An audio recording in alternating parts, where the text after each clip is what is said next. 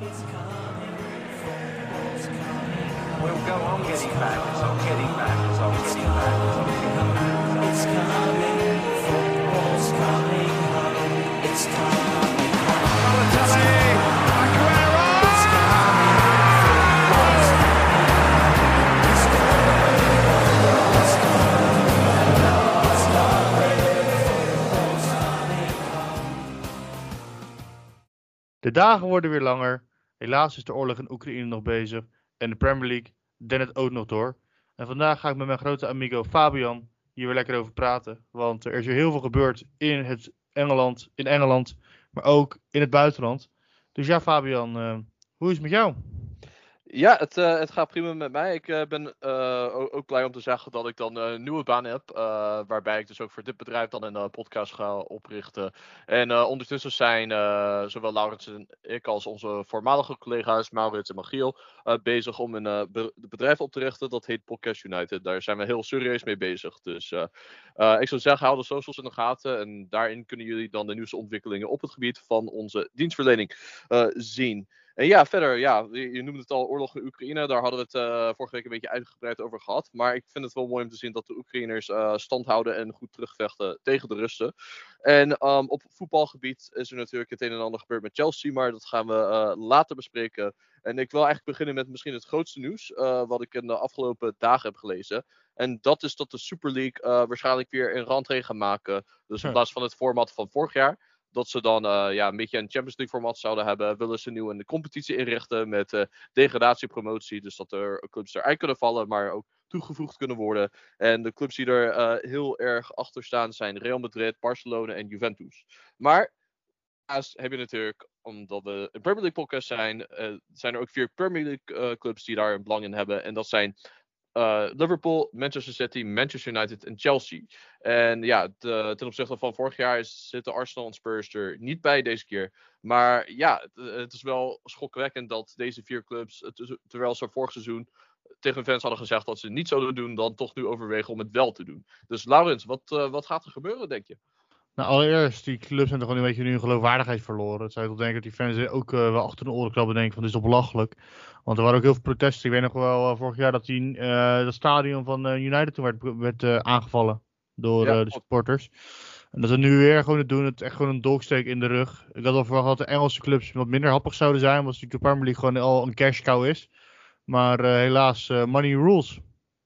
Ja, ja, het is inderdaad jammer om te zien dat het ja, zo'n grote rol speelt. En ik denk ook inderdaad wat je zegt, ja, dat Premier League een cash cow is. Daarom vind ik het ook een beetje vreemd dat deze clubs daarin meegaan om het wel te doen. Want ik denk van, kijk, de clubs die er echt veel aan hebben zijn de competities die een beetje af beginnen te zakken. Dus eh, de Serie A, de La Liga, ze kunnen de Premier League en eh, ja, wat de Premier League dan genereert qua geld, kunnen ze niet bijbenen. Dus dit is hun manier om het dan meer gelijk te trekken. Maar dat zou je toch als eh, top 4 club van de Premier League, dat zou je dan toch niet willen. Dus dat, dat vind ik een beetje, een beetje vreemd, dat ze, dat dan wel willen. Maar ja, zoals wel vaker is, je, er heet iets dat heet nepotism. Het- ja, dat je dan een beetje je, je vrienden voortrekt en eh, een beetje eh, netwerk eh, probeert te netwerken en de juiste vrienden te maken om dan uiteindelijk dan jezelf naar een hogere positie te duwen. En dat is denk ik wel veel van die eigenaren van die clubs proberen. Dus ze worden er gewoon in meegetrokken en ja, helaas denk ik wel dat er echt potentie in zit in de Super League. En dat het misschien wel gaat gebeuren. Maar wa- wat denk jij, Laurens? Denk jij dat er echt een realistische kans is dat we dat gaan zien? Ehm, ik weet het niet. Ik vind het heel lastig, want vorige keer was er wel, was er heel veel weerstand. Ik heb het een beetje gemist ook, het nieuws erover. En ik heb het gevoel dat de weerstand een beetje, een beetje meevalt nu. Dat iedereen wel heeft gerealiseerd van het gaat toch wel gebeuren, want de clubs zijn er toch wel mee bezig. Ja, dat denk ik dus ook. En eh, vorig jaar dacht ik wel van, kijk, de fans hebben het afgestopt, maar het lijkt dan en terug te blijven komen. En ik moet zeggen, ik, ik, ik vind het format wat ze nu hebben voorgesteld wel beter, maar het is nog steeds niet dat ik denk van, nee, de, de moet, hier moeten ze mee doorgaan. Maar ze proberen het wel wat toegankelijker te maken, wat, we zouden zeggen, realistischer. Dat je wel promotie en degradatie hebt. Dus het blijft dan niet alleen voor de elite. Je, je, je krijgt wel op basis van je prestaties de kans om, om jezelf te bewijzen in, in, in de Super League. Dus eh, het is een stap in de goede richting, maar ik, eh, ik ben er nog steeds op tegen. Ja, ik ook. Het is gewoon, eh, ja, het is wat je zei, weet je, de, de grote teams maken, er profijt van. En het leuke aan de Premier League vind ik juist bijvoorbeeld een Birmingham, eh, ik bedoel, Brighton kan winnen van een United, weet je wel. En dat, dat zorgt voor meer die spanning, vind ik. Ja, nou ja, dat, dat is precies. En uh, ik vond het wel grappig dat je dan in plaats van Brighton uh, dan Birmingham als eerste zei. Want eigenlijk op het rijboek staat uh, een club uit Birmingham dan als volgende op, op de planning. En dat is natuurlijk Aston Villa. Die zijn ja, lekker op dreef de laatste tijd. En eigenlijk sinds het aanstellen van Steven Gerrard als trainer en het binnenhalen van Felipe Coutinho en Luca Coutinho als ja, ster-speler, ster-aankoop. het rijdt echt op volle, volle toren. Dus ja, nu hebben ze laatste paar wedstrijden met uh, eh, 3-0 gewonnen van, uh, van Leeds United in de Premier League. Met 4-0 gewonnen van Southampton en met 2-0 van Brighton. Dus uh, ja, hoe, komt het allemaal, denk je? Het, begint een beetje daar te leven. Je, zou denken dat de nieuwe aankopen daar echt invloed op hebben. Maar wat is het eigenlijk dat ervoor zorgt dat ze dat zo presteren? ik denk ook vooral gewoon een hele andere manier van spelen. Weet je, dat Jared ook omgeroemd bij Rangers, wat aanvallender. En gewoon de wapens die hij heeft, gewoon echt naar behoren gebruiken. Ja, het zorgt eens wel een beetje de defensie, naar mijn mening. Ik vind Minks uh, niet heel sterk spelen. En uh, ja, daar zit nog wel, wat, daar zit nog wel een verbeterslag in. Maar ik vind zeker wel dat uh, ze veel sterker spelen dan onder de vorige trainer. Ja, dan Dean Smith inderdaad. Maar Smith, ja, ja, dat, ja, dat, dat die verdediging nu presteert, uh, niet goed presteert, daar, kan ik mezelf ook een beetje in vinden. Maar ik moet wel zeggen dat ze de afgelopen drie wedstrijden met ruime cijfers hebben gewonnen en nog geen tegendoelpunt hebben gekregen. Dus Minks is inderdaad uh, ja, een beetje een onvoorspelbare verdediger, uh, verdediger. Hij heeft soms momenten dat hij echt goed is en soms is hij gewoon verschrikkelijk slecht. Maar Gerrard is wel probeert er wel druk achter te zetten om een soort van balans te creëren. En ze hebben natuurlijk naast uh, Coutinho en Digne ook Callum Chambers overgenomen van, van Arsenal. En die heeft ook voor een assist geleverd. Dus hij probeert ook een beetje zijn stempel te drukken. En misschien zorgt hij ook wel voor wat meer stabiliteit achterin bij Villa. Ja, precies. Ja, ik denk ook wel dat dat zeker impact heeft op, op, op de selectie. Chambers, ja, ik had het gevoel dat hij niet het talent heeft waargemaakt wat hij was. En ik gun hem van harte dat hij nu wel, dat nu wel gaat lukken. Ja, nou, dat is een beetje. Ik denk dat Chambers ook uh, bij Aston Villa, dat is een beetje zijn niveau. Arsenal is misschien zeg maar de ambities die Arsenal heeft om top 4 te worden. Dat is een niveau te hoog voor Chambers. Maar het is een, een, een beetje mid-table club. Zeg maar, dat is wel waar hij uh, eigenlijk thuis wordt. Dus ik, ik, vind het ook mooi om te zien dat hij dan daar uh, zijn plek heeft gevonden. En hopelijk kan hij een basisplaats permanent veroveren. Ik hoop het ook inderdaad. Ja, nou, uh, dan is er naast Aston Villa natuurlijk ook een andere club die de laatste tijd goed in vorm is. En dat is Wolverhampton Wanderers. Die hebben met maar liefst 4-0 gewonnen. Ja, dat is ook uh, dat je denkt van wauw, wat hebben ze uh, ja, laten zien. Want onder Nuno, Nuno lieten ze eigenlijk nooit zulke resultaten zien. Dat ze gewoon vier goals maakten in de wedstrijd. En toevallig gebeurde het wel tegen Watford. Dus ook niet de lastigste tegenstander. Maar ja, toch. Deze Wolves uh, ploeg ten opzichte van vorig jaar. Ze scoren veel meer. Ze incrasseren ook niet heel veel meer. Dus het is gewoon, ja, gewoon een sterke unit. En uh, ze, ja, ze zijn goed op elkaar ingespeld. En ze laten ook gewoon mooi voetbal zien. Dus ja, denk jij dat puur door de trainer komt? Of wat is de reden? Ik heb Wolves niet heel erg gevolgd te want de wedstrijd die we gezien spelen is vrij aanvallend. En ja, Nuno is toen natuurlijk bekend op zijn defensieve kwaliteiten. En ik heb het gevoel dat het nu dan wel, uh, ja, dat het bij uh, de spelers die hij gebruikt ook echt wel de, ja, de potentie eruit had, de potens. Je hebt het ook opgeschreven in het, in het, in het draaiboek. Die is echt gewoon enorm van waarde. En ik had het gevoel toen ze, weet ik, hadden verkocht aan, Jota hadden verkocht aan, aan Liverpool, dat daar de downfall zou komen. Maar uh, tot nu toe is het uh, ja, ongelijk bewezen. Nou, inderdaad, wat je zegt. Als ze een speler verkopen, dan hebben ze meteen weer uh, opgevangen.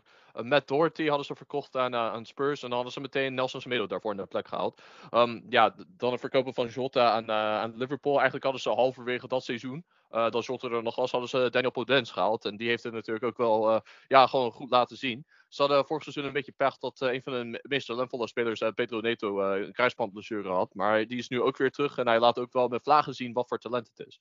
Maar ik, ik, ik kwam er laatst op social media iets tegen over Daniel Podence. En dat is een beetje dat zijn speelstijl een beetje lijkt op dat van Eden Hazard van Chelsea.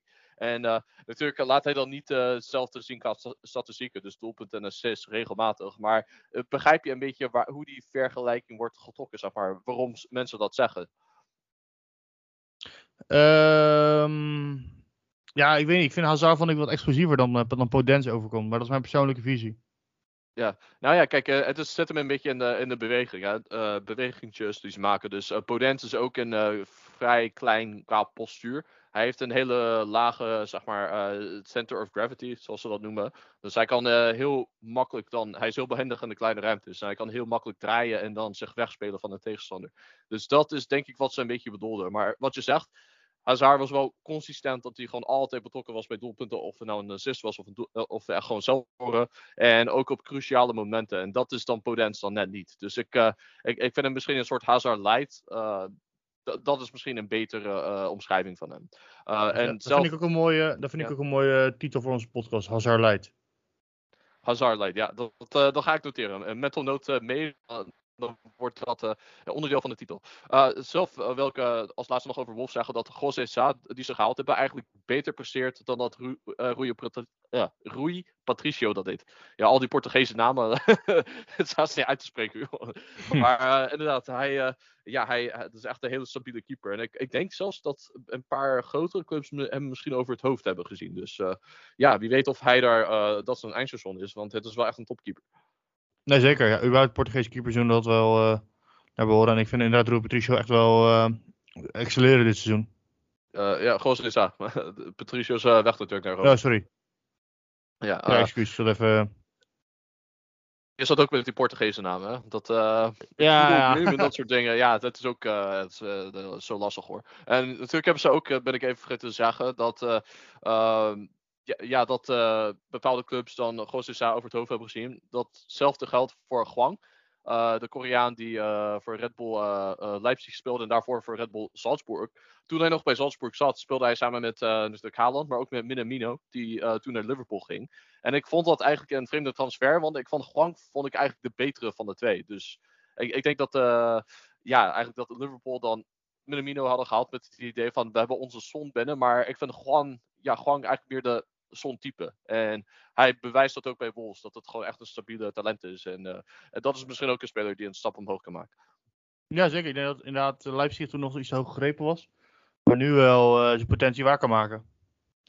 Ja, en uh, ja, natuurlijk heeft uh, Wolves met 4-0 gewonnen van Watford. En we hadden het net over Villa die met 4-0 wonnen van Southampton. Maar ja, eigenlijk het feit dat Southampton met 4-0 verloren. Terwijl ze ja, in de afgelopen maand gelijk speelden op Old Trafford en dan ook wonnen van, van Spurs uit. Ja, dat, daar ben ik verbaasd over. Dat ze ineens als een kaarthuis ineens storten. En dit is ook niet voor de eerste keer onder uh, Hazenhoetel. Er lijkt ieder seizoen een soort thema. Weer dan ja, ja eens, eens. Maar ik heb het gevoel dat het wel meevalt hoor. Als je, ik, heb, ik nu de uitslagen te kijken.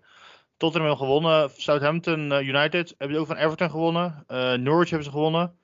Uh, West Ham hebben ze gewonnen. En dan ja, Villa hebben ze dik verloren. En Newcastle dan ook. Maar ja, Villa en Newcastle zijn allebei echt enorm op stoom. Dus die kan je verliezen, weet je. Ik zie, ik zie zeg maar niet dat, ze, dat het als een kaartenhuis in elkaar stort. Nou ja, ik moet overigens zeggen dat na die wedstrijd tegen Villa, dat uh, Southampton midweeks ook tegen Newcastle hebben gespeeld en dat ze dan hebben verloren. Maar inderdaad, wat je zegt, dat het, het kan ook zijn dat ze heel even zijn twee wedstrijden, dat ze gewoon veel wedstrijden achter de rug hebben. Maar ik, ik, ik vrees even voor dat scenario, weet je, dat ze dan uh, goed stabiel presteerden en dat ze ineens een flinke klap krijgen door met 9-0 te verliezen. Het ene seizoen was dat van Les, uh, Leicester City en het andere seizoen was dat van Manchester United. En Nee, ik vrees ervoor dat, dat zo'n doomsday scenario zich weer voor kan doen, want het is al het twee keer eerder gebeurd. En ja, je weet, history repeats itself. Dus uh, ja, we gaan het zien of, uh, of, ze, of dit heel even een, uh, een tijdelijke fase is. Of dat het echt kan leiden tot een volledige ineenstorting van, van het elftal. Nou, ik denk, als ik even dieper in mag gaan, als ik even naar, naar, naar de wedstrijd kijk. Kijk, die wedstrijd tegen Watford morgen om drie uur, we nemen het op zaterdag op. Die is wel cruciaal, weet je. Als ze die verliezen, dan zeg ik van, er gaat een crisis, gaat een crisis komen bij Southampton. Maar ik zie ze sowieso niet als degradatiekandidaat. Aangezien dat clubs zijn, die, er zijn clubs die gewoon veel slechter presteren. Uh, maar ja, het wordt, gewoon, het wordt wel bijzonder, die wedstrijd tegen Watford inderdaad wel als een cruciale do or die. En of Haas nu toch echt in staat is om mannen te motiveren. Maar ik heb het gevoel dat Haas nu toch echt een ideale crisismanager is. Dus dat hij wel uh, weer punten gaat pakken en dat het weer stabiel gaat worden.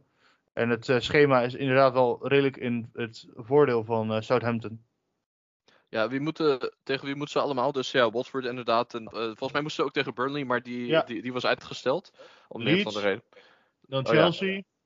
Arsenal, Brighton, Palace, Brentford, Liverpool en Leicester. Dus best wel een paar grote, een paar kleintjes. Maar ik heb het gevoel dat, dat bij Southampton wel altijd, als ze tegen een kleine team spelen, ze altijd wel de prestatie halen. Behalve dan tegen Newcastle. Maar Newcastle moet echt in een, in stoomtreinvaart aan het opsta opstouwen uit de degradatiestress. Wat ik overigens wel moet zeggen is dat Southampton best wel stabiel thuis zijn. Uh, toevallig uh, thuis verloren van, uh, van Newcastle. Maar ze hebben tegen de grote clubs, tegen City hebben ze gelijk gespeeld. Tegen, nog niet tegen Arsenal, want dat was een, een nijwedstrijd die ze speelden. Maar tegen Spurs hadden ze volgens mij gelijk gespeeld. En ook tegen Manchester United. Dus ja, ze pakken wel gewoon tegen de grote clubs uit. of ja, thuis pakken ze wel gewoon punten. Dus dat is wel een stabiele ja, ja, eigenlijk wel een stabiele thema dat dan terugkomt. En ervoor kan zorgen dat je dan niet ineens instort. En tegen het einde van het seizoen, wat wel een kans kan zijn, dat dat misschien kan worden voorkomen. Ja, precies. Maar ik heb het gevoel bij eh, Southampton, ze hebben gewoon een leuke selectie die best wel uh, leuke spelers. Die Broja, die vorig jaar Vitesse speelde, speelde ook heel goed daar. En uh, als je ook kijkt naar de wedstrijd, ik heb hier toevallig de statistieken bij me tegen Newcastle Southampton. Ze hadden 14 schoten, op, 14 schoten en 5 van op doel. En Newcastle had er 8 op 4. Dus eigenlijk al, als je naar het schoten aantal kijkt, ik weet niet wat de, de expect, goal expectancy is, maar hadden ze misschien wel meer verdiend. Nou ja, dat kan best wel zo zijn, maar dat, uh, ze hebben natuurlijk niet uh, echt de wereldspitsen. Uh, Danny Ings is naar Aston Villa verkast, dus hij, zij hebben zijn diensten niet meer. En ja, die Armstrong is wel aardig, Jay Adams is wel aardig, maar ze hebben niet echt, echt nee, eens. Die ze hadden met Pelle, die ze hadden met Ings, die ze hadden met nog daarvoor Ricky Lambert, ja, Tadi speelde toen meer als aanvallende middenvelder. Maar inderdaad, die hadden ze ook. En Mane hadden ze als buitenspeler. Dus ze hebben gewoon echt hele goede aanvallers gehad. En dat ontbreekt nu een beetje. Maar uh, ja, we gaan zien uh, ja, wat er gaat gebeuren. Boya, wat je zei, hij doet het uitstekend. Hij doet het zelfs zo goed dat er clubs belangstelling in hem hebben. En als hij geen uh, kans gaat krijgen bij Chelsea volgend seizoen, omdat ze Havertz hebben, omdat ze Lukaku hebben, dan gaan ze misschien van de zomer verkopen. Dus misschien wordt dat ook een speler die gaat transfereren. Nou, dat vind ik Southampton ideaal, een ideaal station ervoor. Ja, ja, en ja, misschien wil hij ook blijven, dat kan natuurlijk. Maar uh, ik las ook dat Arsenal uh, hebben gevraagd van, ja, wat uh, zou het kosten om hem over te nemen? Dus ja, misschien kan hij de stap maken naar zo'n club. Maar de vraag is, wil Chelsea hem verkopen aan een concurrent? Want dat is ook altijd, ligt ook altijd gevoelig en kan een grote factor zijn. Ja, we gaan het zo meteen over Chelsea hebben uitgebreid. Dan kunnen we dat ook even een beetje meenemen. Ja, nou ja, dat uh, staat zeker als, uh, als laatste op, de, op het rijboek. Dus uh, dat wordt zeker. Nee, precies. Maar meer van, ik wilde even wel benoemen dat we nog dieper ook op de Chelsea-case gaan. Ja, ja, inderdaad. En dat laat nog even op zich wachten, want wij moeten nog een andere Londenese club, of eigenlijk twee, bespreken. En ik ga beginnen met een, ja, ons rubriekje, wat eigenlijk alleen één keer is voorgekomen in de tweede aflevering die wij al opgenomen. En dat is de historische Tata in de, in de PL-rubriekje. Uh, toen we Maurits als gastspreker hadden, had hij ook een kleine ode aan Edwin van der Sar. Maar dit, in dit rubriekje hebben we het eigenlijk over een Nederlander die, zeg maar, ja, in het verleden, toen hij nog actief was in de Premier League, een grote impact had. En uh, eigenlijk de speler die ik wil uh, behandelen is niemand minder dan analist op Ziggo Sport, Rafael van der Vaart. Die was onlangs bij een wedstrijd van Tottenham aanwezig. Volgens mij was het die ja, uh, thuiswedstrijd tegen Everton, die met ruime cijfers werd gewonnen. Uh, werd hij ook geëerd. En kwam er dus ook op de social media kanalen van Tottenham en ook van de Premier League heel veel content voorbij stromen over de impact die Van der Vaart had. En ja, wat weet jij, wat is jou nog bijgebleven van de tijd die Van der Vaart had daar bij Spurs? Ik was best wel fan van Rafael van der Vaart toen hij bij, bij Spurs was. Ik was best wel Spurs aan het volgen dat, dat, die seizoenen. Toen samen met Bale en Modric was het echt wel een heel, echt een heel leuk elftal. Ehm ja, ook een fun fact over Van der Vaart, wat, ik, uh, wat hij vertelde laatst in een interview. Is dat hij 18, toen hij 18 was bij Ajax, hij werd aangeboden dat uh, toen uh, Houllier, dat was toen de trainer van Liverpool, die vroeg toen of hij naar Liverpool wilde komen. Maar hij, hij wees het af, want hij hield nog te veel van de frikandellen van zijn moeder. ja, en nu, als je hem op tv ziet, dan zie je ook wel dat, dat, dat er dat nog steeds een blijvend thema is geweest. Dus ja, misschien is dat ja, ja, ja. dat iets dat hem nooit is on ontnomen. Hij is nu ook interim trainer bij Elsbergen. Dus hij heeft nu ook een beetje een echte coachbaan. Ik ben benieuwd hoe dat, hoe dat gaat. Misschien gaat hij wel een coach worden. Ik, zie ja, zelf, ik, zie, ik heb hem zelf net als coach gezien. Maar als hij zijn manier van spelen ook kan reflecteren in zijn coachschap, dan kan het wel een leuke coach worden. Ja, ik ben benieuwd of, uh, of dat ook zo gaat zijn. Maar uh, Gary Neville is natuurlijk ook altijd kritisch uh, op de Engelse tv. En Roy Keane. En die zijn allebei mislukt als trainer zijnde. Dus ik kan ook omslaan en dan juist niet goed uitpakken. Maar ik wil nog even ingaan op ja, hoe hij dan presteerde bij Tottenham. Dus volgens mij was het zo dat hij op een zijspoor was beland in 2009. Hij heeft van 2010 tot 2012 bij Spurs gespeeld overigens. Maar in het jaar 2009 raakte Sylvia Meijs, die toen zijn vrouw was, die had borstkanker. En hij uh, besloot om dan uiteindelijk dan niet te transfereren en om voor haar te zorgen voor een jaar lang. En in het jaar 2010 was hij op een zijspoor beland. En eh, ja, zou hij bijna een transfer maken naar Bayern, München, maar dat ging uiteindelijk niet door. En toen mocht hij heel goedkoop weg op deadline day. En Tottenham Hotspur had hem dan een aanbieding gedaan, waardoor hij daar naartoe was gegaan. En als ik Dick Jol toch ook? Sorry? Jol was toch trainer Nee, bij eh nee, nee. Tottenham? Nee, het was eh, Harry Redknapp was toen trainer. Oh, Harry eh, Redknapp. Martin Jol Ja. sorry. Ja, ja, Martin Oldenbach. Eh, ja, die was eh, trainer toen eh, Edgar Davids in 2005 of 2006 of zo daar was. Dus dat, dat was de speler die hij had gehaald, niet, niet Van der Vaart. Maar ik zal even zijn statistieken erbij pakken. In de Premier League, ik kan natuurlijk alle competities benoemen, maar we zijn een Premier League podcast. In de Premier League heeft hij in 28 wedstrijden in zijn eerste seizoen heeft hij 13 doelpunten gemaakt. Waarvan in de eerste paar wedstrijden die hij speelde, had hij een fase waarin hij dan vier keer achter elkaar scoorde. Dus ja, dat, eh, ik weet nog dat, eh, ja, hoe enthousiast die supporters eh, werden. Dat, ja, dat het de, best verkochte shirt was in het eerste seizoen van Van der Vaart. En ja, dat het echt een van de absolute smaakmakers was. En het feit dat hij het seizoen daarna het weer liet zien. Iets mindere cijfers, 11 doelpunten en in 33 wedstrijden. maar ja, toch wel ja, redelijke cijfers. Het feit dat het dan maar twee seizoenen heeft geduurd, was ik ook verbaasd om. Want ik dacht van ja, het gaat zo lekker. Hij is de eh, ja, lievelingsspeler van het publiek. Maar eh, ja, de- het was niet een blijvend iets, zeg maar. Het was dan eh, gelijk na de twee seizoenen dat hij dacht van... Oh ja, HSV hebben me weer nodig, ik ga er weer naartoe. Ik heb hem hier Ja, gevonden. Wat zei Ik heb hier op internet gevonden. Ik zit op internet, dus die zit op mijn telefoon, op mijn, op mijn PC.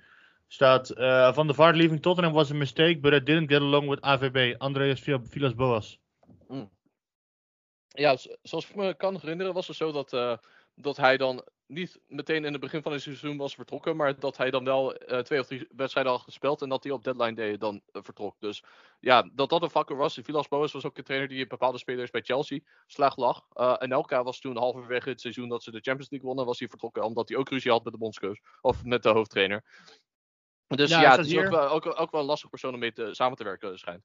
Ja, ik weet nog op dat moment dat Villas Boas was natuurlijk net, die hond was net Bill verkocht voor 100 miljoen.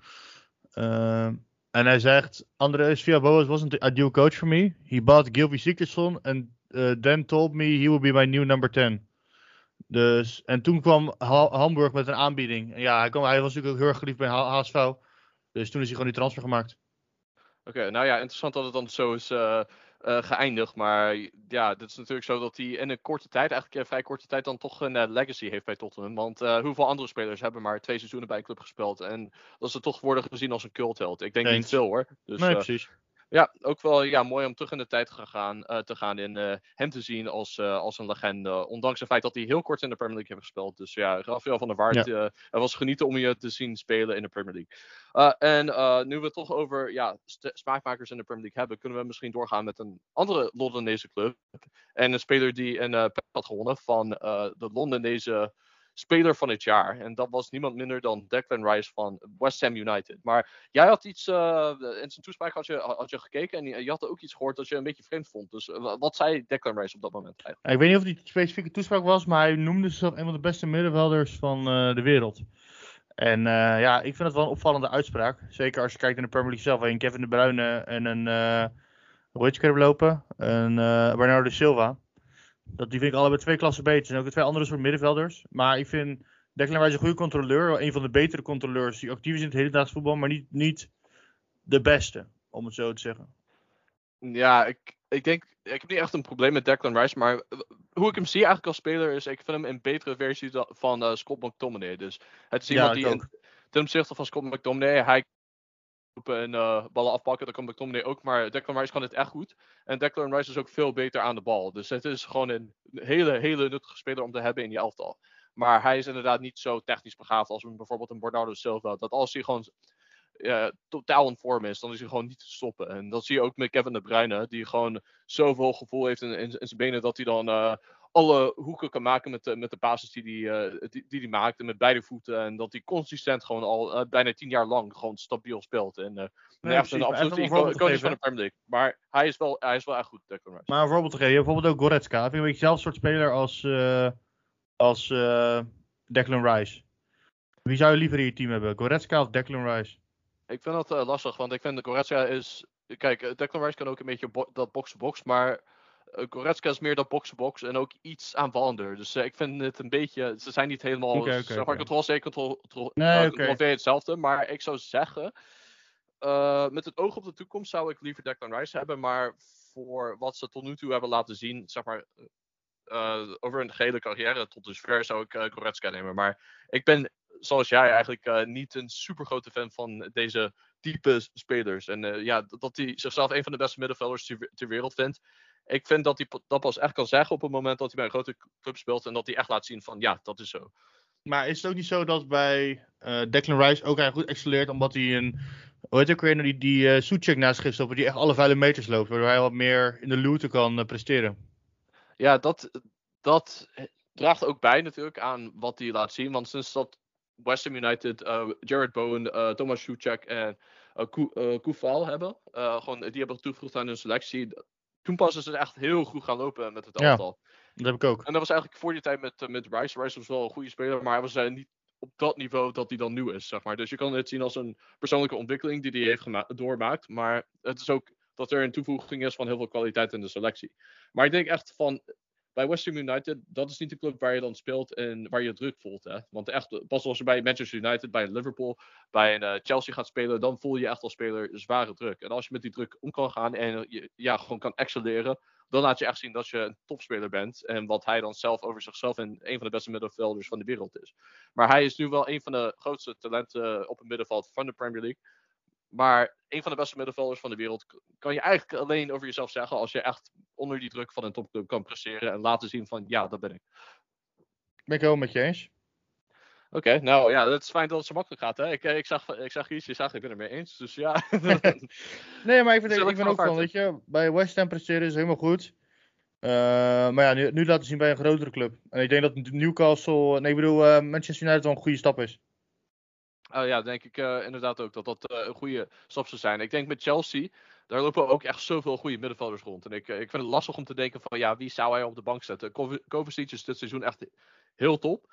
En Kante blijft natuurlijk wel echt van de maat uh, staan. Van ja, eigenlijk een speler die hetzelfde doet als wat Declan Rice zou doen bij Chelsea. Uh, ja, Jorginho is dit seizoen minder goed, maar het blijft wel iemand met ja, een bepaalde vaardigheden die andere spelers in de selectie niet hebben. Dus het is wel iemand die je echt nog steeds moet koesteren als speler. En ik denk dus om die reden dat United dan echt moeten overwegen om een upgrade te doen op McTominay. McTominay is niet verkeerd, maar echt om een volgende stap te nemen, denk ik wel dat Declan Rice uh, een, een, goede aankoop zou zijn voor ze. Maar goed, we gaan het zien en we gaan het allemaal meemaken. En tenslotte is United niet de United van vroeger, want zij doen niet mee om de titelstrijd zoals ze vroeger wel altijd deden. En nee, de titelstrijd gaat nu tussen ja, twee clubs, van waar eentje dan zo net heeft gespeeld, uh, en dat is Liverpool. En die gaan de strijd aan met City.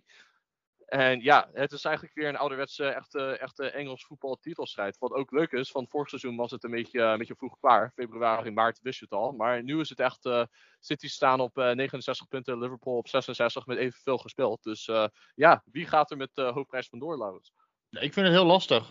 ik heb een beetje hetzelfde gevoel als de titelstrijd die in Nederland loopt. met PSV en Ajax. Um, en dan wil ik Ajax vergelijken met City in deze. Die hebben een beetje lopen een beetje wat onzekerder te voetballen met de hete adem van de tegenstander in, in de nek.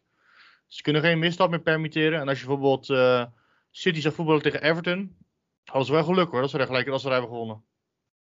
Ja, ja, dat klopt inderdaad. En dat was natuurlijk een discutabele penalty, maar goed, dat hadden we in de vorige aflevering behandeld.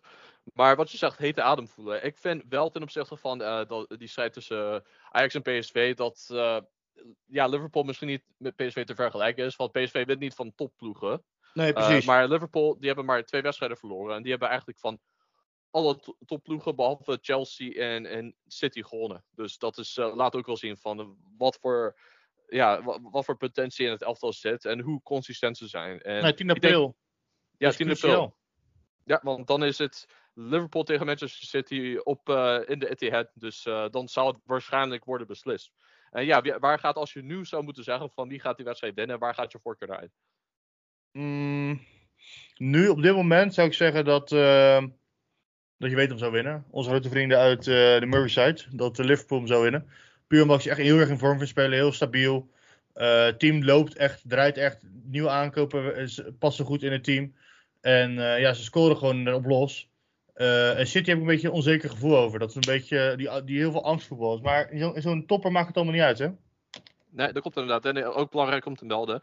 Want dat is natuurlijk een Engelse, een Engelse competitie. Ook wel meer competities doorslaggevend. Maar uh, Liverpool heeft een doelsaldo van uh, plus 53.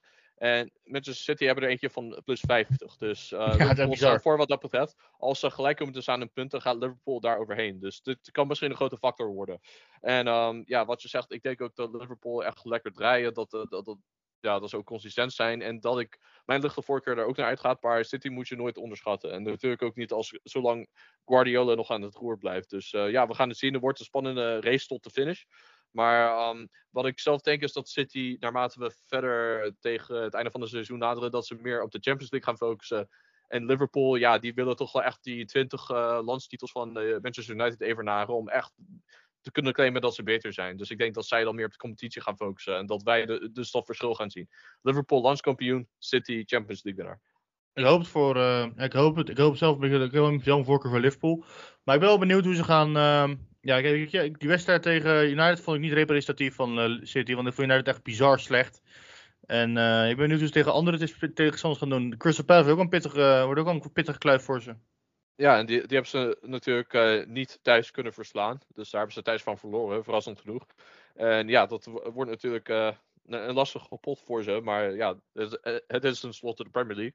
Dus uh, ja, niks is gegeven. Je, je, moet het maar verdienen. En um, ja, ik benoemde eigenlijk net ja, de ambities die City hadden om de Champions League te winnen. Ze waren natuurlijk finalist vorig seizoen. En de club waar ze van verloren is, was een andere titelkandidaat. Maar die zijn een beetje afgezakt. En dat is natuurlijk Chelsea. Ja, en Chelsea, is weg. Ja, en de mijne ook, want ik had ook voorspeld dat ze zouden winnen. Maar dat heeft ook andere uh, uh, uh, bijzaken of andere oorzaken. En een daarvan is natuurlijk dat de eigenaar Roman Abramovic dan werd beschuldigd van het helpen van Poetin voor het sponsoren en financieren van de oorlog die nu plaatsvindt in Oekraïne. Dus Engeland heeft zijn, ja, eigenlijk zijn invloed afgepakt. Hij is sinds vandaag dan geschorst, of nee, volledig verwijderd als directeur van de van uh, Chelsea. Dus hij mag helemaal niks meer doen. Uh, ook maar op wat voor manier dan ook. En ja, het, het is eigenlijk helemaal uh, vastgezet bij Chelsea. hoe, ja, wat weet jij er eigenlijk van? Van de exacte details over de, de stand van zaken met Chelsea?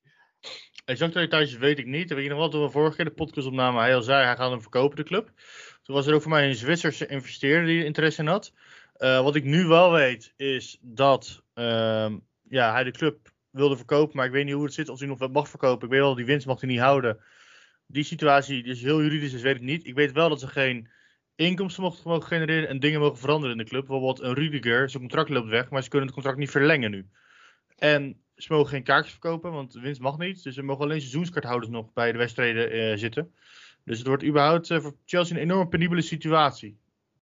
En het is heel toevallig dat je dat allemaal zegt dat dit de meest recente informatie is eh, waar je dan toegang tot hebt. Want wij hebben deze podcast op uh, vier uur s middags, oh, begonnen we met opnemen op een zaterdag. En ik lees hier een bericht van een kwartier daarvoor, dus dit hadden we nog niet gezien. Maar dat is dat Saudi Mediagroep dan uh, van plan zijn om nu Chelsea te kopen. Ze hebben nu plannen om uh, Stamford Bridge volledig te herbouwen, om dan meer ja, het meer uh, zitplekken te geven en moderner te maken. Ze zijn van plan om uh, die spelers die jij net benoemde, Rudiger en Cesar Azpilicueta, hun contacten willen ze verlengen. En ze willen er ook voor zorgen dat zowel de mannen als de vrouwenteams teams, en ook de um, ja, jeugdteams, dat zij dan ja, genoeg financiële steun hebben om echt door te groeien. Dus uh, ja, dat uh, zou wat zijn als er naast Newcastle United dan nog een, uh, een Saudische eigenaar zou zijn. Maar ja, hoe, hoe kijken we er zelf tegenaan? Ze gaan natuurlijk ja. van een, een, een oligarch uit Rusland naar een, waarschijnlijk een oliesheik uit Saudi-Arabië. Dus ja. ja. wat is jouw mening ook? Weet je wat het is? De enige mooie vind ik als een club door supporters wordt geleid. Zoals bijvoorbeeld Portsmouth, om even een voorbeeld te geven. Maar ja, alle rijke mensen ik zag er ook een mooie tweet over van een account wat ik volgde van uh, Chelsea sports mogen niet meer juichen voor Roman Abramovic. Weet je wel wat nu wordt gedaan de afgelopen wedstrijden. Maar sporters van Newcastle mogen wel juichen voor hun uh, uh, eigenaar van die Saudische afkomst dus. Maar als je erover nadenkt, de Saudis zijn ook in Jemen oorlog bezig. dus ja, het is een beetje hypocriet vind ik het in die zin. Maar ik snap wel waar het vandaan komt. Want ja, Poetin is natuurlijk een grote dreiging. Dus ik snap dat die wordt gecanceld. Maar dan moet je naar mijn mening gewoon alles over één kam scheren. En moet je anderen die ook gerelateerd zijn aan regimes die niet binnen de westerse idealen passen, moet je dan ook schorsen. En daar is bijvoorbeeld ook de Saudis horen daarbij, vind ik. Ja, goed punt. En ik vind inderdaad dat je ook eh, consistent moet zijn met je eh, kritiek. Maar om daar nog even op in te gaan. Het is zo dat ik ook las dat het dan echt Saudi media groep is. Dus ja, oliesheiks, daar komt wel misschien eh, wat financiële stroming vandaan.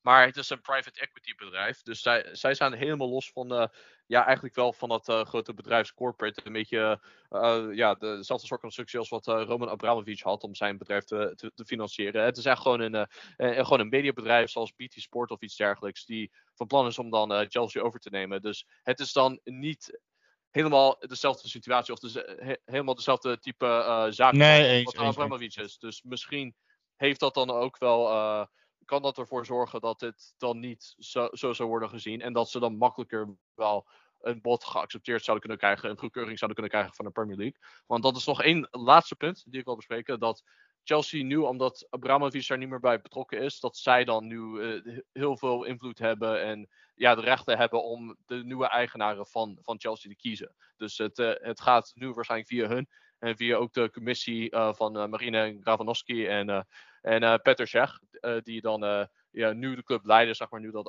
Abramovic er niet meer is. Dat zij dan samen tot een beslissing gekomen over ja, hoe de toekomst van de club eruit gaat zien op het gebied van eigenaren. Ik ben benieuwd. We gaan het zeker volgen. Ja, we gaan het zeker volgen. En uh, ja, wat denk je eigenlijk dat de vooruitzichten hiervan zijn? Om uh, dit als even als laatste punt op de agenda uh, mee te nemen. wat gaat er met Chelsea gebeuren als ze nieuwe eigenaren krijgen? Ja, sowieso in korte termijn is er een nieuwe eigenaar daar in charge. En in korte termijn bedoel ik echt mee, voordat het seizoen is afgelopen, is er een nieuwe trainer, is er een nieuwe eigenaar in charge. En dan ben ik gewoon benieuwd wat zijn visie is en wat, wat zijn inkomsten zijn. In de zin van hoeveel geld hij te besteden heeft. Ik denk al heel veel natuurlijk, want Chelsea echt een topclub is. Daar ben ik benieuwd ja, hoe ze het gaan doen. Dus weet je, Chelsea is natuurlijk al een gerenommeerde topclub, dus ze hoeven niet zoals Newcastle helemaal opnieuw te bouwen. Maar ik denk dat ze wel gaan proberen spelen zoals uh, inderdaad een heet ook, Rudiger en Aspilicueta te, te verlengen. En misschien nog een paar spelers verkopen. En gewoon verder bouwen waar, waar de visie is. Want die is natuurlijk hartstikke goed bij Chelsea. Nou ja, de, dat is zeker zo. En uh, ja, als, als op alle lagen, dus ik noemde het al, de vrouwenteam, de mannenteam, de jeugdteams, als ze daar gewoon uh, echt heel veel geld in gaan steken, dan gaat het zeker goed komen. Maar het is altijd zo dat als je van eigenaar wisselt, dat er heel veel gevolgen zijn en soms negatief. Zoals in het geval van Everton, maar soms ook positief, zoals waarschijnlijk in het geval van Newcastle United. Moeten we ook PSV. zien, maar waarschijnlijk wel. Ja, inderdaad, PSV. Dus ja, we gaan zien uh, waar dat gaat eindigen. Maar ja, zoals je zei, Chelsea is een stabiele club. Die zijn de afgelopen ik geloof sinds dat Roman Abramovic uh, daar binnen is gekomen, hebben ze de meeste prijzen gewonnen, 21. En ja, dat uh, laat ook wel zien wat voor ja, basis ze hebben om dan verder op door te, door te bouwen. Ja, top. Oké, okay, nou dan uh, wil ik alle luisteraars die uh, vandaag hebben geluisterd uh, bedanken voor, ja, ja, voor een, 40 minuten van hun tijd die wij gebruikt hebben om deze op te nemen. En ja, dan denk ik dat we dan gelijk door kunnen gaan met het opnoemen van de socials. Dus Laurens, hoe heten wij op Instagram? Podcast Road. En op Twitter? Podcast laagstreepje Road.